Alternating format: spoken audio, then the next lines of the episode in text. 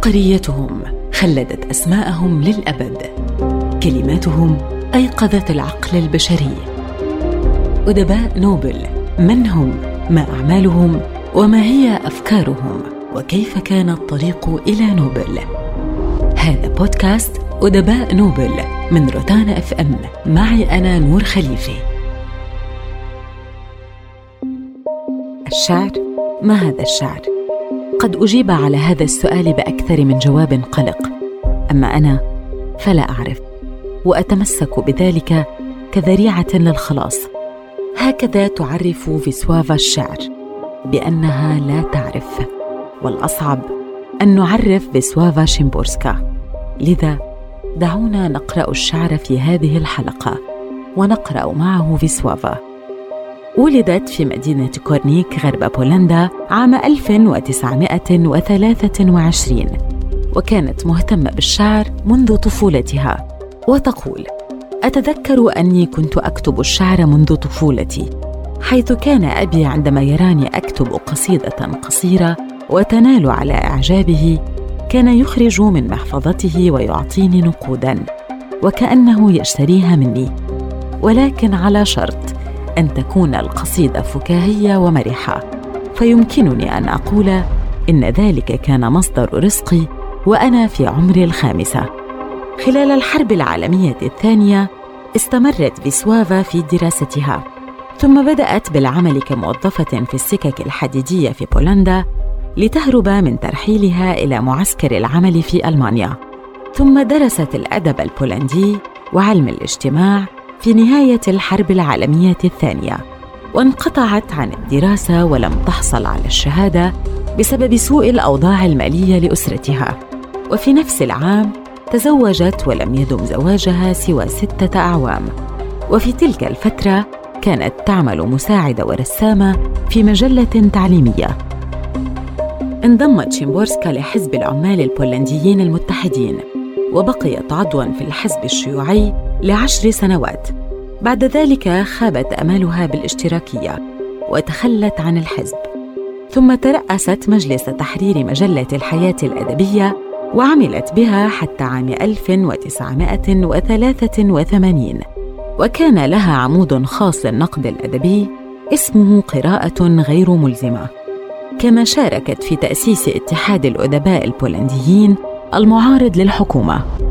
فردتها الشعرية مكنتها من الحصول على جائزتي جوتي عام 1991 وهيردر عام 1995 ثم الدكتوراه الفخرية من جامعة بوزنان عام 1955 وجائزة القلم البولندي في مجال الشعر عام 1996 إلى أن حصلت على جائزة نوبل في عام 1996 رحلت عن عالمنا عام 2012 بسرطان الرئة وأسلمت الروح بهدوء تام أثناء نومها وأوصت بحرق جثتها وإقامة جنازة دون بهرجة ولا طقوس دينية وشددت على المعزين بتوفير ثمن الأزهار لمساعدة المحتاجين ودفنت في نفس قبر أبيها وأمها.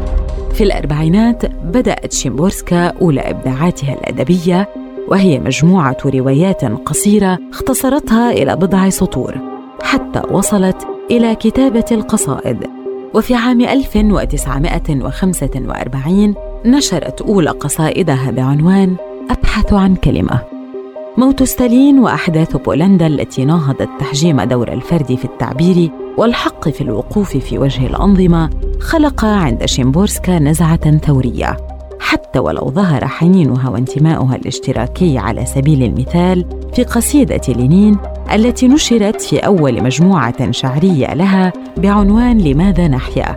إلا أنها وفي نفس هذا الديوان وديوان أسئلة نسألها حاولت أن تتحرر من الماضي وتنسلخ عن القناعات السابقة. لدرجة أنها اعتبرت نفسها مذنبة في حق القراء الذين أثرت بهم بشكل أو بآخر وأعلنت ندمها عما سبق. أنا لا أمارس فلسفة كبيرة وإنما شعرا متواضعا فقط. لا تعترف شيمبورسكا بأي انتماء لنظام فلسفي أدبي وشعرها ليس تحت تأثير فكر شعري محدد. ومن الصعب تصنيف شعرها وزجه في المدارس والاتجاهات الأدبية والشعرية. فقد تجاوزت كل التصنيفات لأنها ببساطة أرادت أن تكتب شعرا حقيقيا فعالمها الشعري يختلط فيه الفكر مع العاطفة وتعبر عن الناس بأسلوب تمتزج فيه السخرية والمرارة وتتناول شؤون الحياة بطريقتها الخاصة والكتابة بالنسبة لها عمل شاق ودؤوب ودقيق ومعاناة حقيقية يقابلها متعة الكتابة التي عبرت عنها في قصائدها. تستخدم شيمبورسكا الطباق والسخرية والتناقضات لإلقاء الضوء على المواضيع الفلسفية والحياتية في جو من التناقض والعبثية وبأسلوب تطغى عليه الفكاهة والقسوة كما يظهر في قصائدها مدى تأثير التاريخ والبيولوجيا والسياسة على مصير الإنسان وحياته اليومية. أسلوبها البسيط يصل إلى أذواق القراء العاديين ولا يحتاج إلى تحليلات معقدة فهي شاعرة التفاصيل والتناقضات بامتياز. يخونني اليقين بأن ما هو مهم أهم من غير المهم. لا تولي الشاعره شيمبورسكا اهتمامها الأكبر للقضايا الكبيرة. قدر اهتمامها بالتفاصيل التي لا ينتبه إليها أحد.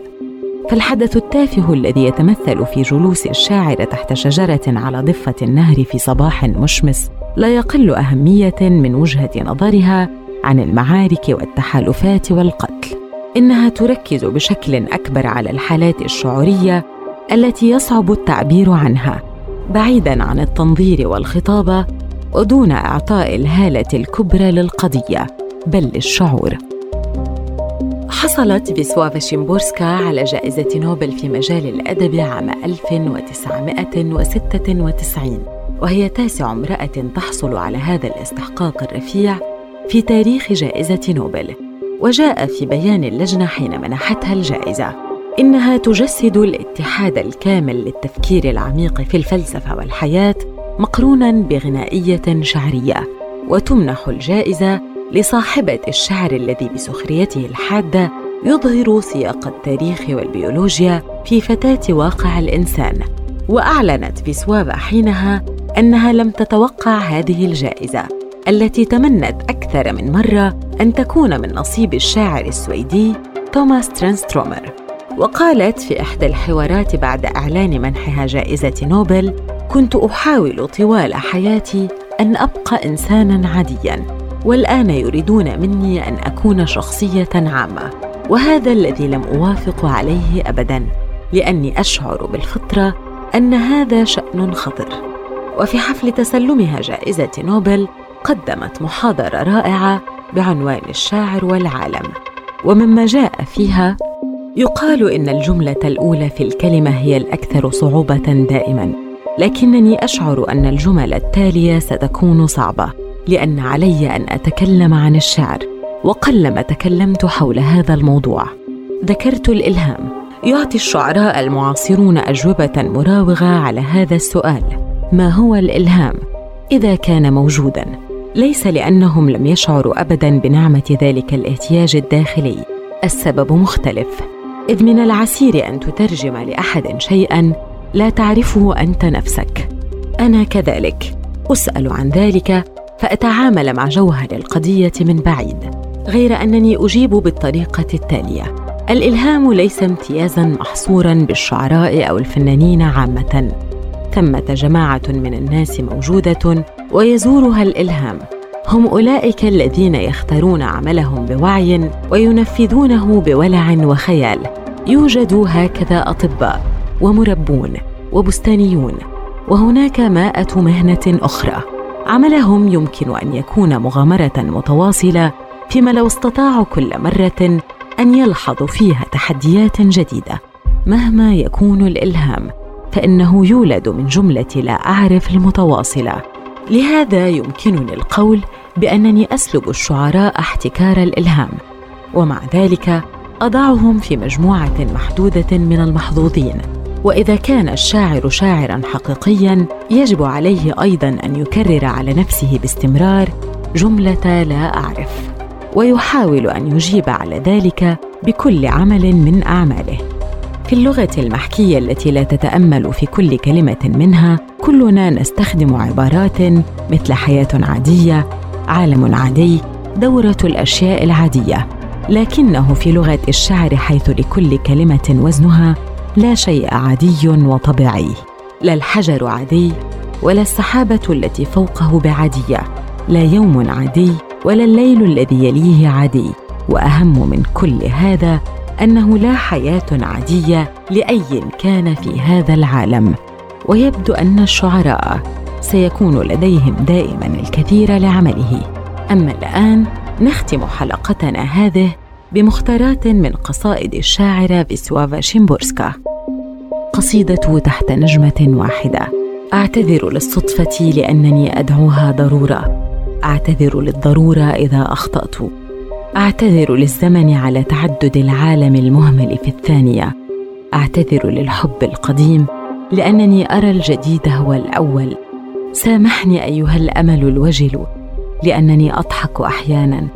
أعتذر للشجرة المقطوعة على أرجل الطاولة الأربع. أعتذر للأسئلة الكبيرة على الأجوبة الصغيرة. أعتذر للكل لأنني لا أستطيع أن أكون في كل مكان. أعرف أنني طالما حييت فلا شيء يبرئني لأنني وحدي أقف عائقا أمام نفسي. لا تسيء الظن بي أيتها اللغة لأنني أقترض كلمات ضنانه وبعدها أضع جهدا لكي تبدو خفيفة. قصيدة لا شيء يحدث مرتين. لا شيء يحدث مرتين ولم يحدث. لهذا السبب ولدنا بدون مهارة وسنموت بدون ممارسة. حتى لو كنا التلاميذ الأكثر بلاده في مدرسة العالم فلن نعيد درس أي شتاء ولا أي صيف. ما من يوم سيكرر نفسه. لا توجد ليلتان متماثلتان. ولا قبلتان متساويتان ولا نظرتان في الأعين متطابقتان. أمس حين اسمك ردده أحد على مسمعي شعرت كما لو أن وردة قذفت في غرفتي من نافذة مشرعة. هذا بودكاست أدباء نوبل من روتانا أف أم. معي أنا نور خليفه